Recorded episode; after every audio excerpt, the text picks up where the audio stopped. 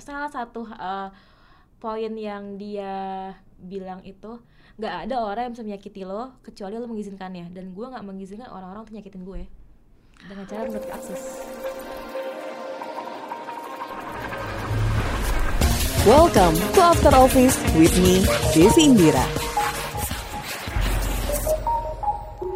Welcome back to After Office episode ke-6 bareng gue Desi Indira. Dan di episode kali ini di segmen sudut pandang gue akan ngomongin soal yang mungkin relate sama lo juga yang dengar beberapa di antaranya mungkin berhubungan dengan yang pernah gue alami juga. Dan temen yang gue bawa hari ini dia sering banget mengalami uh, tema yang gue angkat. Jadi temanya adalah gue mau ngomongin soal kejul kejulitan netizen plus 62 Mungkin lo sering juga ketika posting di Instagram atau update status Ada aja orang-orang yang julid, yang komentar nggak sesuai topik atau komentar uh, apa ya malah jadi menghakimi Nah episode kali ini gue akan ngebahas soal itu.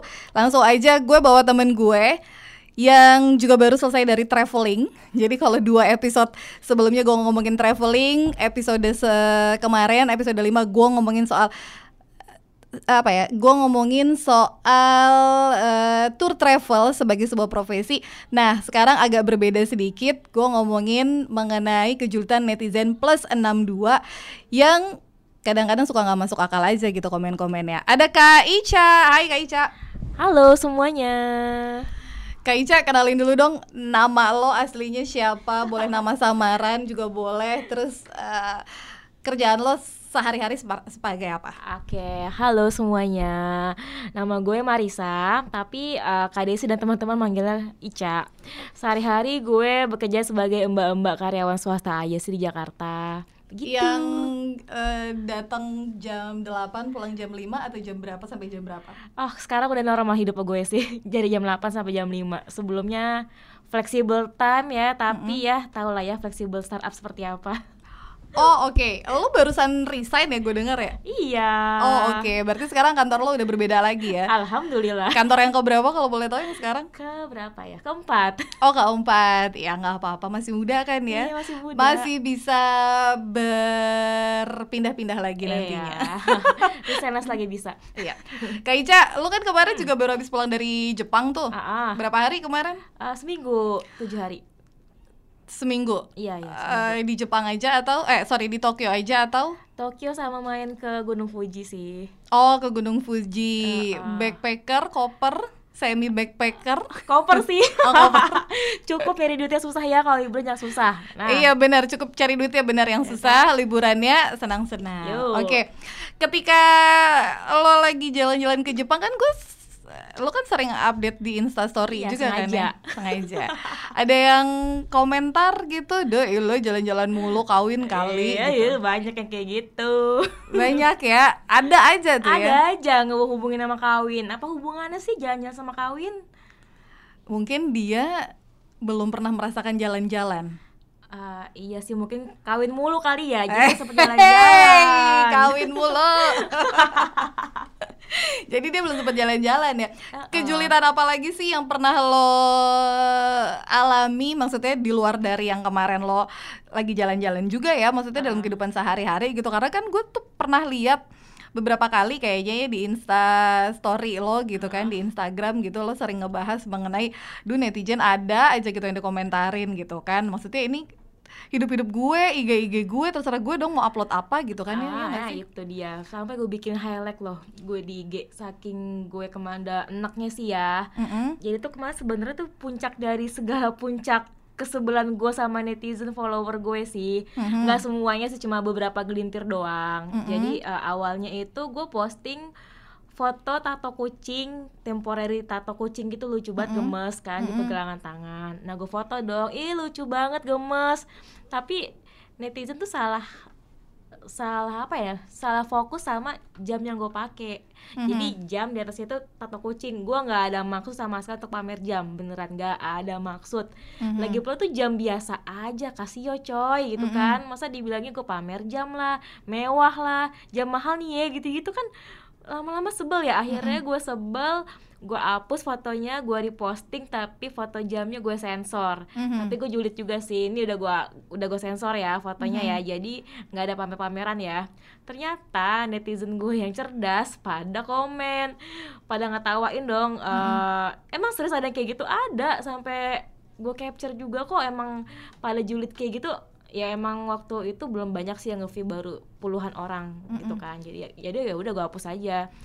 Nah, eh, biasanya tuh teman-teman lo yang julid itu, ser- eh, maksudnya gini, adakah satu orang yang spesifik gitu yang selalu setiap lo setiap lo posting apa pun tuh mesti nih orang komen deh gitu, mesti nih orang eh, julid deh gitu. Oh, dulu ada tapi udah gue unfriend. Bagus, toxic people kayak gitu harus di unfriend ya. Tapi dulu ada, sempat ada. Ada. Yang setiap lo upload apa pun dia selalu komen. nggak salah tapi ya mostly dia komen mulu ngejulitin gitu. Hmm, Apa yang paling lo inget dari satu orang ini toxic people ini? yang paling gue inget tuh dia selalu misalnya lagi IG story terus ada ya di kaca atau segala macam Mm-mm. oh jamnya mahal ya. Wah itu kayak bajunya mahal ya gitu gitu mulu. Apa sih? Oh, sumpah tuh lebay banget. sehingga membuat lo berpikir kenapa lo selalu ngelihat barang dan berpikir soal harga gitu ya? iya. Iya sih? iya bahkan sampai ketemu pun dia sampai apa namanya kayak police fashion gitu loh. Ini jilbab merek ini ya sepatu merek ini ya pasti mahal deh bla bla bla. Apaan sih sumpah. Serius? Ada ya orang cowok kayak gitu ya? kayak gitu. Oke, dan itu udah lo unfriend tuh. dan friend Dia nanya atau dia sadar nggak ketika lo unfriend? Eh, jadi sebenarnya gue sempat deket sama orang ini sih. Terus ya udah akhirnya karena dia julid mulu dan julidnya tuh udah mengganggu gue Mhm. ya udah. Gue bilang soalnya kayak mendingan daripada lo julid mulu mending lo gak usah hidup gue aja Oh oke. ya ya udah akhirnya gue blok gue unblock lagi sih jadi kalau dia mau buka Instagram gue tuh udah kayak follow gitu loh jadi sa- impas sama-sama nggak bisa tahu hidupnya masing-masing Oh lo mute. enggak nggak mute kayak kalau misalnya kalau kita unfollow kan Uh-uh. dia masih bisa lihat profil kita kan Mm-mm. ya udah aku blok dia Mhm. Aku unblock lagi. Jadi ketika dia mau buka profil aku kan aku di protect jadinya follow request dong. Oh dan iya. aku pun mau buka IG dia follow request dong. Oh, jadi emang bener-bener udah nggak temenan ya? Ya nggak temenan di sosmed bukan berarti nggak temenan di, di, dunia kehidupan nyata, nyata. kan? Tapi dia gimana menanggapi itu? akhirnya aku diblok sama dia Dia dia bukan berusaha untuk kayak ya sorry ya ternyata sikap gue mengganggu gitu enggak ya? Eh, yang itu sih enggak tapi ada sih sekarang sekarang ini kalau kayak kemarin gue di Jepang gue dikomenin dong Mm-mm. kapan pulangnya? Ya kayak kak Desi nanya kapan pulangnya atau berapa hari di Jepang seminggu dijulitin gue dong kapan pulang? Nunggu miskin ya begitu Oke fine. itu itu julid kan terus itu gue lagi di Disneyland loh terus ah elah diemin aja tapi pas gue udah pulang di kereta gue masih sebel nih gue ngomongin nih ah, jadi gue udah sekarang tuh udah mulai apa ya mulai peduli sama mental health ya Mm-mm. jadi gue tegur dia padahal dia tuh lebih senior dibanding gue gue bilang gue nggak suka sama omongan lo kayak gitu maksudnya apa gue gituin kan Mhm. Ah, akhirnya gue jelasin kalau gue nggak suka dan itu tuh ya nyinyir kayak gitu ya nggak baik aja. Akhirnya dia, dia minta maaf sih ujung-ujungnya. Oh oke. Tapi di antara hmm, netizen-netizen yang pernah mengomentari kehidupan lo gitu ya Oh, dari update status lo apa segala macam. Karena kan gini sebenarnya ya, yang namanya kita bermain sosial media, ini kalau gue sih sebenarnya ya, itu kan sosial media itu diciptakan emang salah satunya menurut gue adalah untuk pamer. tempat ria emang kan Ah, ya kan? Kalau lo nggak siap dengan keriaan seseorang, lo nggak siap dengan pameran seseorang, lo mendingan nggak usah main sosial media. Ah, Atau kalau lo nggak suka, misalkan gue nggak suka nih lihat lo jalan-jalan mulu gitu, Ah, Eh, postingan lo nih unfaedah gitu, ya tinggal gue mute aja kan? iya tapi gue pribadi ya gue lebih suka ngeliat orang ria di sosmed dibanding orang yang ngeluh mulu Nah iya benar ya benar kan benar. itu Karena memang eh, tipikal orang yang bermain sosmed tuh ada yang ngeluh mulu, ah. semua semua dikeluhin. Heeh. ada yang ria, Uh-uh. ada yang ya have fun ya, yang lucu dia share, yang dia kesel dia share, yang dia mau pamerin dia share gitu kan ada juga ya. Iya. Tinggal tergantung lo mau mau tetap lihat atau view story-nya dia atau enggak kan? Iya sebenarnya Instagram itu tempat yang asik loh. Lo nggak suka lo tinggal mute, lo nggak mau dilihat dia lo tinggal hidden ya. itu terserah lo gitu kan. Tapi ya mungkin orang-orang kayak gitu nggak nggak memaksimalkan dengan baik ya main sosmednya. Tapi gue pribadi mendingan gue datang pamer ya gitu loh. Kayak kak Desi ke Turki mm-hmm. kepo dong kak pulang kapan? Sampai mm-hmm. kapan? Itu gini motivasi atau kayak lagi kayak flashback kayak kemarin ke Turki kan. Mm-hmm. terus pengen nanya-nanya tiketnya berapa? Ya, betul. kalau gue kayak gitu jadi motivasi gitu kan. Iya karena kan juga gini ya kadang kita tuh nge-share sesuatu gitu kan sebenarnya uh, bukan semata-mata untuk pamer bahwa gue lagi ada di sini loh gitu uh -uh. kan? Enggak gitu. Tapi kadang kita tuh juga pengen ngasih tahu. Karena siapa tahu kan kita nggak pernah tahu ya, iya. ya teman-teman yang jarang ketemu yang cuman uh, kontakannya melalui instastory atau melalui DM Instagram gitu kan? Siapa tahu dia emang juga punya rencana mau ke sana gitu kan? Jadi yeah. bisa nanya. Kayak gue sebenarnya sebelum ke Turki itu ada temen gue teman kantor lama banget senior gue jadi waktu itu gue magang di sebuah uh, apa namanya koran hmm. waktu itu dia udah jadi reporter di situ dia lagi update IG feed atau IG story gitu gue lupa lagi ada di Turki finally kan gue DM dia Balu lagi di Turki ya gitu. Eh gue tuh juga mau ke sana. Itinerary lu kayak gimana? Kan akhirnya jadi bisa sharing kan. Uh -uh. Dan membuat uh, yang tadinya jarang berkomunikasi jadi komunikasi lagi membuka membuka komunikasi lagi membuka silaturahmi lagi gitu kan?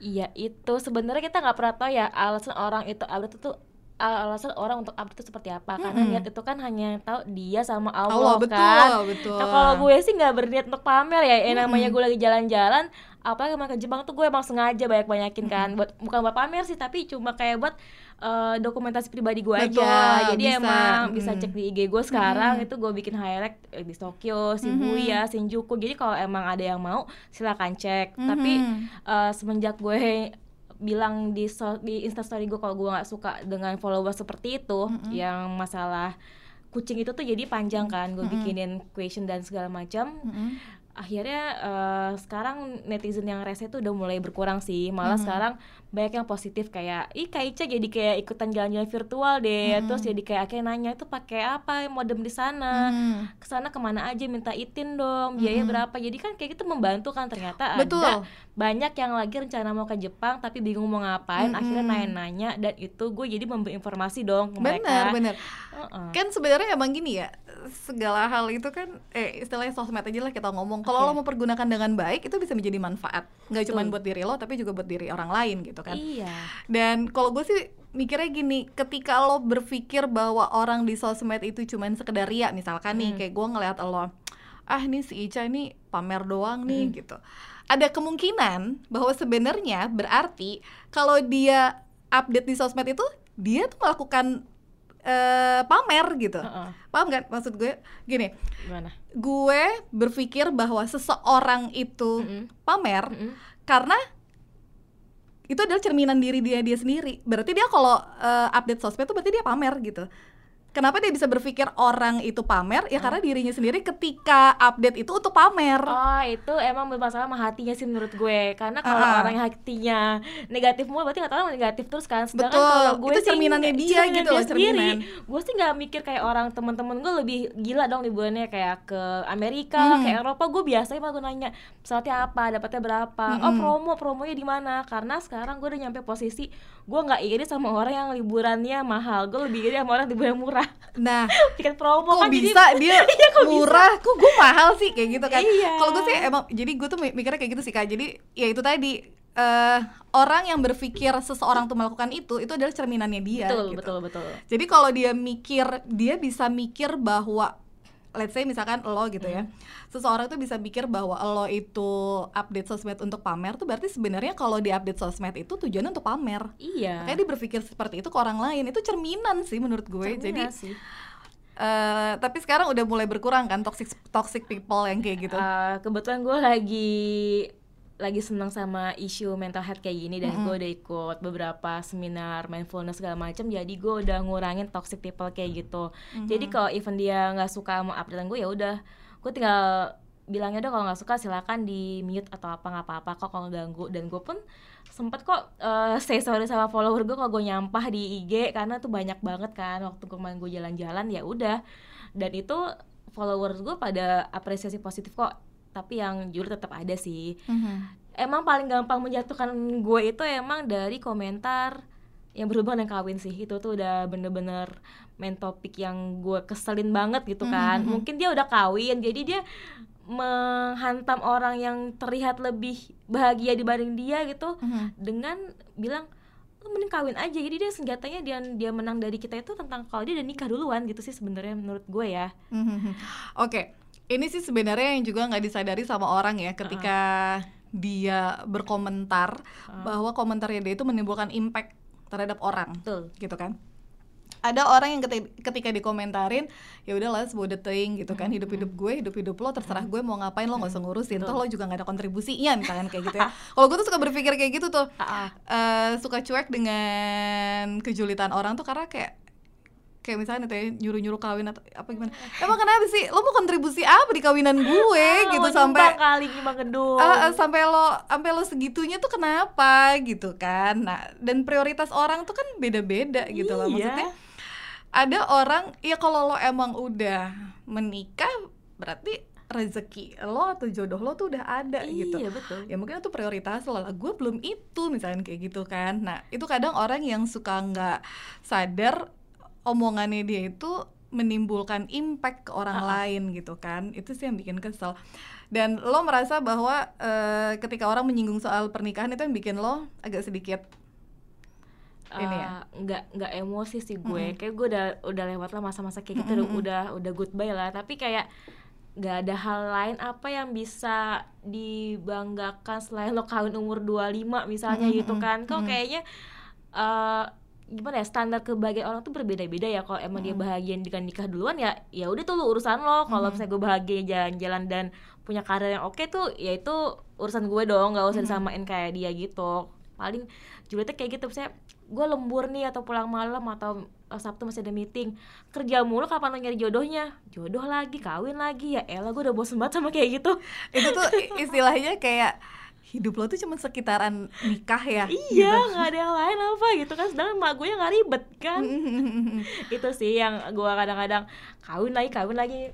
Bukannya gue nya sensitif sih masalah kawin tapi ya udahlah nggak nggak ada perbandingan lain apa yang lebih head to head gitu kan iya iya benar-benar benar. Karena menurut gue juga eh uh, tahu ya orang kita itu netizen plus 62 ini seneng banget kalau udah ngomongin soal nikah. atau bertanya soal kapan nikah bo gitu. Iya. Lo udah nikah belum sih? Kok nggak nikah nikah sih gitu? Udah nikah kapan punya anak. Uh, uh, ya itu kan apa ya kayak lingkaran setan kan. Uh. belum nikah lo akan ditanya kapan nikah. Uh, uh. ketika lo udah nikah lo akan ditanya kapan lo punya anak? Uh, uh. ketika lo udah punya anak lo akan ditanya kapan, kapan nambah, nambah. kasihan lo nggak ada temennya anak ininya anaknya kan pengen punya adik juga gitu. Ntar kalau udah punya adik ditanya lagi nggak pengen punya anak lagi banyak anak banyak rezeki uh, gitu kan. Uh, mohon maaf nih bapak ibu om tante ya kan? Uh. emangnya kalau saya nikah pertama mau nyumbang apa sih gitu sampai segitunya nanya. Terus kalau gue belum punya anak emang kalau gue punya anak lo mau biayain pendidikannya mau nanggung asuransi jiwanya, asuransi hmm. kesehatannya kan enggak juga gitu. Betul. Mohon maaf nih agak direm dikit bisa kali ya nanya-nanya seperti itu gitu Atau ya. kayak gini nih, lo kawin-kawin milih-milih mulu ya jangan milih-milih yang ada aja ambil. Hello, gue beli cilok aja milih ya ya kan abang yang bersih atau iya. kayak beli sayur yang yang kayak apa ya dibungkus bukannya yang diabrak gitu aja. Masa nyari laki lo asal aja sih? Itu sih yang gue nggak habis pikir sama netizen. Iya dia pikir apa ya uh, ini kita kalau ngomongin soal menikah gitu ya uh. pertama jodoh orang tuh kan nggak tahu ada di umur berapa gitu ya. Uh, Ada temen gue yang udah 40 baru ketemu jodohnya. Ya udah gitu kan. Gitu. Ada temen gue umur 21 udah ketemu jodohnya. Uh, uh. Ada yang 30 lagi di puncak karir ketemu jodohnya uh, gitu kan. Timelinenya orang itu masing-masing gitu. Orang tuh punya timingnya sendiri gitu nggak bisa disamain kan ya. Betul. jadi kalau lo umur 33 let's say lo udah punya anak dua terus misalkan gue tiga tiga belum punya anak nggak usah juga ngomong ya gue udah umur segini udah punya anak dua lo gitu. Ya udah sih ya nggak apa-apa gitu. Iya apalagi yang paling ngeselin itu julidnya ini antara julid kurang ajar sih menurut gue. Lo cepetan kawin ter cewek kan ada masa expirednya pernah gak kayak gitu? Iya, iya. Expire emangnya produk gitu kan. Terus lo nggak laku laku soalnya gue gak jualan. Iya iya benar benar itu itu tuh agak-agak gimana ya? Agak wow gitu ya agak tercengkang ya. Iya makanya apa pun itu di 62 ini mau lo sehebat apa pun karir lo oke lo bisa jalan-jalan keliling dunia ke Antartika tapi kalau belum kawin hilang semua kalau belum kawin hilang ya eh nikah nikah kalau kawin kan itu privasi orang lah ya jadi pencapaian yang diapresiat sama orang plus enam dua adalah ketika sudah nikah. Iya, karena orang kaya sebenarnya gitu. sih ya. Iya. Ya kan? Iya, ya, iya, hidupnya kayaknya wah gitu kan. Uh, mertuanya ini abis hmm. punya abis nikah langsung punya mobil mewah, punya townhouse. Oh, itu mah yang bener-bener deh. Semua orang juga mau kayak gitu, tapi kan gak semua orang bisa dapetin kayak gitu kan. Iya kan. Oke, balik lagi tadi ke komentar-komentar uh -uh. di eh, apa ya namanya di sosial media hmm. gitu. Komentar apa lagi sih yang pernah lo dapet Oh iya, gue pernah update tentang pekerjaan. Mm-hmm. Temen gue itu langsung komen gitu loh. Mm-hmm. Sebaik-baiknya wanita itu yang di rumah. Itu yang krik, ngomong krik, cowok. Cowok. Sedangkan okay. istrinya kerja, mamanya kerja. Lah, agak-agak krik krik krik gak sih? Kalau cowok kalau istrinya di di rumah aja, mamanya nggak kerja, ibu rumah tangga yang ya yang gitulah ya. Mm-hmm. terus komentarnya hidup gue yang gue cuma temen lo doang kok gitu sih? Gue langsung ngomong gini lah bini lo kerja gitu kan. Terus langsung gue gas balik dong kayak gitu. Terus dia bilang apa? Uh, ya sempet adu bacot di chat sih akhirnya gue males balesnya aja. Ya udah gue bilang lu mau bayarin hidup gue? Emangnya kalau gue kerja jajan gue mahal loh gitu kan. Ada ya orang yang bisa bisanya uh, apa ya istilahnya kalau gue bilang tuh bukan menasehati ya lebih ke menceramahi ya itu gimana ya mungkin dia habis hijrah ya tapi kalau emang lo hijrah ya coba yang terdekatnya dibenahi dulu kalau emang ben emang sih iya gue tahu sebagai sebagai wanita ya emang ya seperti itu lah ya hmm. di agama kita kan muslim diajari seperti itu tapi hmm. ya circle terdekat lo aja sih dibenahin dulu nggak usah temen lo yang jauh. Terus dibilang kayak gitu emak gue biar gue kerja biar gue bisa beli apa yang gue mau nah, dan ngebantu orang tua kan? Betul. Dan maksud gue gini uh, kadang gue suka gimana ya sama orang yang mungkin bisa gue bilang kayak mabuk agama gitu ya. Benar nih maksud, maksud yeah, gue yeah. gini maksud gue gini. Kalau dia sampai ngomong misalkan ada orang terdekat gue yang ngomong kayak gitu mohon maaf aja nih saya kalau nggak kerja emak gue kagak makan. Gitu. Iya, maksudnya kan? ada orang yang perempuan bekerja karena dia tulang punggung gitu. Nggak uh -uh. bisa itu semua di disamaratakan gitu. Ya memang betul. Sebagai perempuan adalah yang uh, di rumah, di rumah aja. aja gitu. Tapi kan menurut gue ya itu juga fleksibel gitu loh. Karena sekarang gini misalkan gue uh, adalah tulang punggung keluarga terus gue di rumah aja gitu. Terus, terus banyak uh, uh, kan? lah terus gimana? Makan apa menzolimi keluarga lo sendiri dong iya. kayak gitu dosa lagi lah iya ya kan nggak bisa disamaratakan gitu loh dan uh, eh, gue nggak nggak habis pikir juga dengan orang-orang yang bisa berani bicara seperti itu tanpa tahu background orang yang dikomentarin uh -uh. misalkan kayak gitu ya bener sih emang ya kalau lo mau ya dari orang terdekat lo dulu aja gitu iya kan. pengen gue yang jauh kenapa nggak istri lo aja suruh, suruh rumahin dulu nggak usah kerja kan mm -hmm. kayak yang gue nggak tahu sih pandangan orang yang lagi kalau kata kak Desi mabok agama atau baru hijrah gitu ya kan gue pernah tuh beberapa kali posting lagi kajian mm-hmm. niat gue itu nyari temen karena di circle gue tuh jarang ada yang mau kajian mm-hmm. gitu jadi gue kayak kajian gue sendiri kan. Aduh yang namanya mau kajian sendiri setan banyak dong ya. Gue posting dong. Ada lagi di sini nggak? Maksud gue tuh kayak mengajak. Mungkin next time lo bisa bareng sama gue. Dan itu lumayan oke okay sih ada aja yang komen. Lu kalau kajian lagi ajak-ajak gue dong. Ih gue seneng dong. Akhirnya minggu depannya bareng sama dia dia gitu kan ya. Terus ya karena circle gue emang jarang yang kayak gitu ada aja orang yang komentar lu kalau ibadah gak usah posting. Itu ria tau namanya kan niat gue ngajak ya ngajak gue ngajak. Bukannya pamer lagi ibadah. Emang gue pamer lagi uh, lagi story gue lagi sholat? Lagi ngaji? Kagak gitu kan. Gue heran kayak gitu deh uh, jadi abis itu gue jadi malas aja update kajian. Entah gue gak kajian dibilang kok lo gak kajian lagi sih? Uh, setannya ntar lebih banyak ya godaannya atau hmm. apa? Ada aja. Tapi kalau orang yang kayak gitu uh, yang sebelumnya kan hmm. lo unfriend tuh dan ah. lo block ada nggak sih orang-orang di circle lo atau teman-teman yang followers lo itu hmm. akhirnya lo mute aja gitu? Ada. Ada yang kayak gitu ben aja. Gue mute dan gue hide dan ada kayak gitu. Terus uh, dia nggak nyadar mungkin ya atau ya, paling lo kok jarang posting sekarang? Iya ini jarang lagi mas main IG gitu kan. Kan malas dilihat sama dia aja malas komentarin kan. Untung lo nggak ngomong ya malas aja. Eh, lu gue mute supaya lo nggak lihat gue gitu. Dia cuma postingan gue doang kan di feed kan. Ya udah yang penting lo nggak tahu sehari-hari gue kayak gimana kan. tapi ada kala juga sih gue udah muak sama semua itu akhirnya gue nggak main IG sempat kok berapa sebulan dua bulan sempat mm-hmm. gue main IG yang satu lagi yang isinya cuma foto-foto nggak jelas mm-hmm. doang. dan itu uh, lumayan untuk detox lah dari orang-orang kayak gitu Iya, yeah. kalau bisa dibilang uh, berapa persen sih dari followers lo yang seperti itu? kalau du eh kalau sekarang sih udah dikit ya karena mm-hmm. gue udah sempat ngomel-ngomel sama satu atau kucing itu ya mm-hmm. itu kan akhirnya banyak yang komen tuh teman-teman gue capture capturein kan gue bikin thread nah itu mungkin pada kesindir jadi nggak banyak bacot lagi mm-hmm. paling ya kemarin gue kayak ke Jepang aja ada beberapa sih mm-hmm. sekarang paling cuma uh, ya apa satu persenan lah nggak banyak kayak dulu. Kalau dulu ada aja emang yang diceng-cengin. Mm-hmm. tapi kalau yang ngejulitin temen akrab geng gue gue sih terima aja karena ya teman sendiri gitu. Yeah, jadi yeah, dia yeah. tahu hidup gue lah kayak gimana gitu kan. Nah, kalau orang yang jarang ketemu ketemunya berapa tahun yang lalu cuma tahu hidup gue di sosmed doang terus dia berusaha terus dia ngejat hidup gue kayak gitu ya lu siapa gitu kan iya benar benar benar. Hmm.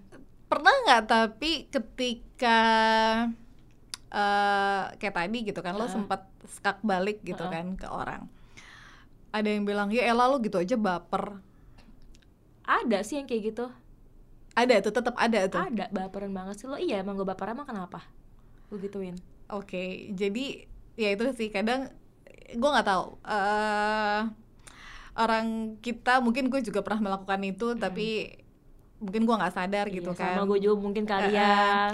mungkin bermaksud bercanda tapi ternyata berimpact terhadap orang lain dan gue berpikir ya Ella cuman gitu doang baper gitu kan. Tapi sebenarnya mungkin itu sih yang yang menurut gue harus uh, dari diri sendiri dulu untuk mengubah kali ya supaya setiap sebelum komentar tuh kayak mikir dulu gitu gak sih? Ya aduh jangan-jangan ntar kalau gue komentar kayak gini dia tersinggung nggak ya? Ini nggak ya? Gitu. Iya, sehingga diem aja. Uh, uh, jadi ya kayak balik lagi ke tadi takutnya komentar kita tuh berimpact ke orang gitu kan mm-hmm. kadang yang menurut kita cuma bercanda tapi uh, ternyata ada orang yang tersinggung tapi emang keterlaluan sih ketika uh, mengurusi hidup orang lain betul, gitu kan. Betul banget kayak kayak gitu. Ada kok beberapa temen gue yang mau sekedar posting IG story tuh mikir-mikir, kenapa sih mikir-mikir? Gue sih pasti posting aja gitu kan. Mm-hmm. Toh IG gue sih teman-teman gue dia tau lah hidup gue mm-hmm. gimana, mm-hmm. muka gue kayak gimana tanpa perlu di tanpa perlu di filter kan. Temen mm-hmm. gue tuh sampai mikir-mikir kenapa? Gue takut dinyinyirin netizen. Ada yang sampai segitunya. Itu mm-hmm. efek dari jempol iseng kalian kan nggak tahu apa yang terjadi sama orang lain kan jadi mm -hmm. ya pergunakan dengan bijak lah bener itulah itu balik lagi sih memang uh, sosial media itu kan memang ruang terbuka ya mm -hmm. sebenarnya mm -hmm. ada orang-orang yang nggak istilahnya nggak siap bermain sosial media yang mungkin sehari-harinya dia emang tukang rumpi aja gitu di di tetangga gitu kan. Ngejulitin tetangga A si ibu A ibu B ibu C misalkan gitu ya. Atau temannya A B C gitu. Tiba-tiba dikasih sosial media yang kayaknya gampang banget untuk komentar. Tinggal ketik send terkirim gitu kan. Itu. tapi dia nggak mikir impactnya dengan yang baca komenannya dia gitu kan. Biasanya kayak gitu tuh follower lambe-lambean tuh. Follow ya kan coba dia lambe-lambean tuh baca komentarnya deh mm -hmm. itu pada judes-judes kan mm -hmm. malah kadang-kadang gue nemuin komentar temen gue juga sih di situ mm -hmm. ya mungkin itu sih kebawa ke kehidupan sama teman-temannya mm -hmm. keceplosan iya kalau gue sih kalau ke teman-teman deket uh, julit-julitan itu mungkin masih ya karena kita sering iya, ketemu iya, karena temen akrab uh, ya uh, udah, sih udah ya. udah tahu ya maksudnya udah tahu batasan oh dia kalau diginiin tuh masih oke okay, uh. yang diginiin yang enggak gitu kan. Jadi kayak udah pada sama-sama tahu gitu kan. Uh, bahkan di gue juga di circle gue yang cuman temenan cuma berempat atau berlima hmm. gitu kan kadang orang itu kan ada masanya dia sensitif. Betul misalkan lo lagi mau PMS nah itu tuh. Ya kan? Disenggol aja istilahnya bacok. senggol bacok uh -uh. gitu kan? Apalagi dikomenin yang enggak enggak gitu. Nah kalau gue biasanya yang sering gue lakukan adalah gue akan ngomong kalau misalnya dibecandain tuh gue akan ngomong aduh gue lagi nggak pengen dibecandain gitu. Oh bener juga bisa bisa nah bisa. itu biasanya teman-teman gue udah langsung oh oke okay, fine. Ini orang kalau nggak lagi capek lagi sensitif Jadi gue udah langsung ngasih tameng duluan. Maksudnya gini, di keseharian gue bukan tipe kalau orang yang kayak gitu, Mm-mm. yang kalau dibecandain tuh ketawa gitu kan, dan gak masukin di hati juga gitu kan.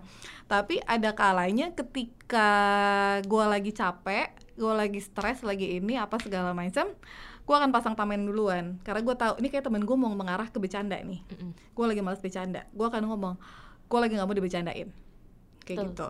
Tapi tuh kalau ketemu duluan gitu kan, kalau lewat sosial media kan susah ya kita ngomong kayak gitu ya. Iya, mending gak usah nggak usah muncul sih kalau Ah, gue. ah, betul. Kalau enggak, iya enggak gue tanggepin biasanya. Iya sih. Oh, kadang-kadang gue pernah ngilang sih ya. Mm-mm. Temen-temen gue nyariin gue kok, gue kangen deh nggak ada lu di sosmed gitu kan? Atau lu ada apa sih lagi sedih ya, lagi galau ya? Enggak juga sih, gitu. Emang lagi pengen nggak pengen aja kan? Ada Mhm. kala kita pengen kayak udah pause dulu kan? Mm-mm. Atau lagi sibuk banget lagi malas buka handphone ya kayak gitu temen-temen gue nyariin. Sampai nelpon kok gue pernah sampai semingguan lah gue lock out IG gitu kan. Temen gue Mhm. nelpon kok lo kenapa? Kok nggak muncul lagi sih? Biasanya nyampah. Mm-mm. lagi males aja gue bilang gitu kan. Jadi ya udah kalau emang lo mau ketemu gue gue masih stay di sini lo bisa kontak gue kapan pun dan kita bisa ketemu nggak mesti di sosmed dan itu berhasil nah karena gue abis liburan aja jadi gue abis nyampah lagi gitu kan Iya iya iya iya. gitu iya. tapi abis itu kayak gue mau menghilang pelan-pelan juga sih Oh, istirahat dari sosmed ya. Iya istirahat sih ya. Kalau ini emang gue sengaja lagi banyak posting itu buat arsip pribadi gue aja sih. Gue udah ngomong ke follower gue kok gue mau nyampah nih seminggu ke depan nih. Jadi ya mohon maaf nih ya kalau nyampah. Tapi eh, so far lebih banyak yang seneng lihat postingan gue. Iya, ya jalan-jalan virtual gue berasa ngeliat IG story lo gitu.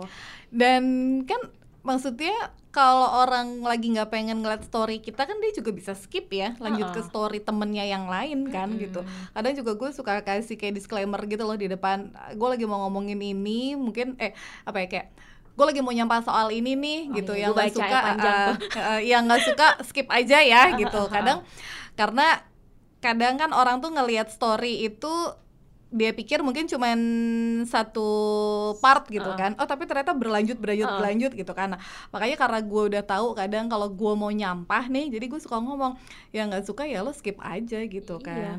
Eh, walaupun kadang gue lihat oh ada kok orang yang ternyata ngikutin sampai terakhir gitu. Iya bener. Dan gue pun mantau sebenarnya sekarang sih uh, followers gue tuh ternyata lumayan banyak juga yang menyimak IG story gue sekarang kan. Jadi melonjak tajam semenjak gue kemarin ke Jepang kan. Jadi ya udah uh, terus pada apresiasi senang dan banyak yang nanya-nanya juga ya udah. Lumayan buat bahan gue ngeblok ntar. Iya betul betul betul. Nah eh kalau dari lo nih Mm. sebagai seseorang yang suka dijulitin Ah, sama circle lo ataupun orang-orang di Instagram lo gitu kan ya tips lo apa sih buat mengatasi hal-hal yang kayak gitu biar lo nggak nggak apa ya nggak stres juga gitu nanggepin orang-orang yang kayak gitu? Satu bodoh amat. Tapi itu butuh butuh belajar, sih butuh belajar sih ya. Nggak bisa langsung ulti bodo amat. Apalagi gue orangnya audio toris sih Mm-mm. dia ngomongin ini itu gue kepikiran. Tapi ya sekarang gue udah belajar bodo amat sih nggak mau mikirin yang banget banget. Terus kedua lo mesti self love sih cintai diri lo sendiri. Lo mesti bisa mengidentifikasi mana toxic person mana enggak. Mm-mm. dan orang-orang yang kira-kira cuma buat ganggu hidup lo doang ya udah mending lo hempaskan pelan-pelan aja sih. Mhm, mhm.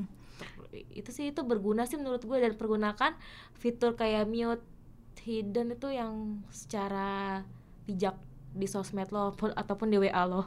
Iya benar benar benar karena eh kayak Instagram tuh menyediakan fitur itu tuh bukan tanpa alasan sih menurut Betul, gue gitu karena kita bisa memilih siapa orang yang kita kehendaki untuk melihat story kita kan ya karena kita tidak bisa menyenangkan semua orang iya betul banget Iya kan? Heeh. Jadi mungkin tetap aja ada orang yang kesel, iri, dengki dengan story kita masih bodoh teing ya. Heeh. Lo punya eh, hak untuk tidak melihat story gue atau melihat story gue dan gue juga punya hak untuk memilih orang yang bisa lihat story gue betul ya kan jadi ya udahlah ya emang tadi pertama bodoh amat ya gue juga setuju sih dengan sikap bodoh amat itu. Walaupun uh, itu perlu dipelajari banget sih. Nggak nggak nggak serta merta lo, iya, lo bisa iya, bodoh amat. gue tuh tadinya adalah tipikal orang yang suka mikir.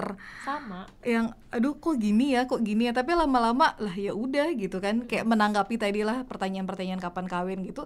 Kadang gue suka bercanda ya itu. Iya. emang mau ngasih apa sih kalau gue kawin? gitu. Ah, kalau gue nikah mau mau kontribusi apa? gitu. Betul gitu. Itu sih paling berarti sekarang bisa dibilang hidup lo udah lebih tenang dong tidak ada toksik toksik uh, orang-orang yang toksik ini di sekitar lo. Mengurangi sih ya dan mm gue sekarang semenjak ikut kayak mindfulness gitu tuh sama mental health gue udah bener-bener ngejaga banget gue dari orang-orang yang sekiranya bakal ngeganggu mood gue. Mm-hmm. karena gue anaknya moody banget apa kalau PMS ya. Jadi mm-hmm. gue sebisa mungkin jaga jarak dengan mereka. Bukannya nggak temenan sih mm-hmm. ya tapi jaga jarak aja mau secara virtual ataupun secara kehidupan nyata. Mm-hmm. gitu. Karena itu akan ngebantu mental kita juga sih.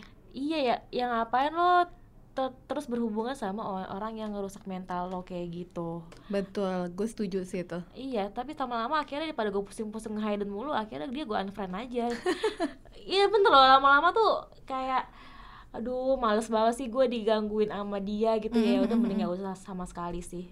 Iya terserah lah ya dia mau marah atau enggak ya gitu. Uh, pokoknya setiap orang tuh punya uh, healing masing-masing sih. Iya betul. Mungkin cara gue healing itu seperti ini dengan gue jaga jarak dan gue nggak mm -hmm. mau nggak mau kontakkan sama dia dulu mm -hmm ya why not dan setelah makin dewasa menurut gue ngeblok itu bukan tanda bukan tandanya lo childish enggak itu tandanya lo dewasa karena lo tahu mana orang yang uh, boleh masuk hidup lo atau tidak Betul, setuju sekali. Oke, okay, uh, eh, Kak Ica, thank you banget loh untuk okay. ngobrol-ngobrolnya. Tapi yang penting sekarang udah mulai berkurang ya orang-orang yang toksik di sekitar lo ya. Semoga ya, nggak ada uh, lagi. Berkurang dan gue tidak mengizinkan dia untuk menyakiti gue karena mm -mm.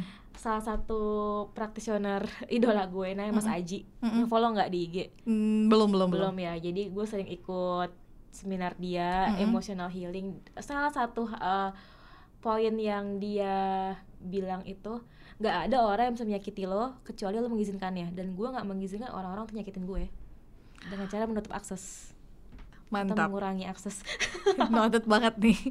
Ya kan bener kan? Bener bener bener gue gak mau dia nyakitin gue jadi gue gak bakal gue kasih izin. Itu yeah, iya, bener-bener yeah, yeah. gue waktu diomongin kayak gitu gue mikir klik klik langsung jelek banget ya. Iya juga Boleh ya. sesi tentang mental health kayak oh iya boleh boleh. Nanti kita bikin sesi lagi ya soal mental okay, health ya. siap. thank you banget kak Ica thank you juga buat yang sudah dengerin uh, sekitar setengah jam kita ngobrolin soal kejulitan netizen mm. 62 ini. Semoga obrolan ini juga apa ya memberikan insight juga. Mungkin di antara lo ada yang mengalami hal yang sama uh. dengan yang sering dialami soal, oleh Kak Ica. Jadi intinya adalah mungkin kalau tadi gue bisa rangkum dari Kak Ica pertama adalah mencoba untuk bersikap bodoh amat ya. Uh. terus uh, ya berusaha mencintai diri lo sendiri gitu. Dan jangan biarkan orang lain masuk untuk menyakiti lo Iya, gitu ya. gak mau ngizinin ya. Gak mengizinkan.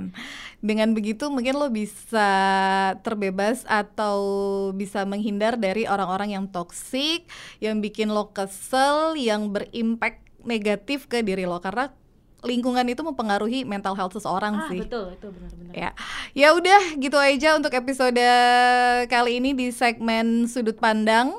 Kita ketemu lagi di segmen sudut pandang di episode episode berikutnya. Terima kasih untuk dengerin podcast After Office dan akhir kata gue pamit. Bye. Ya, thank you ya udah dengerin ya. Thank you for listening After Office. Desi Indira signing off the air. See you next episode.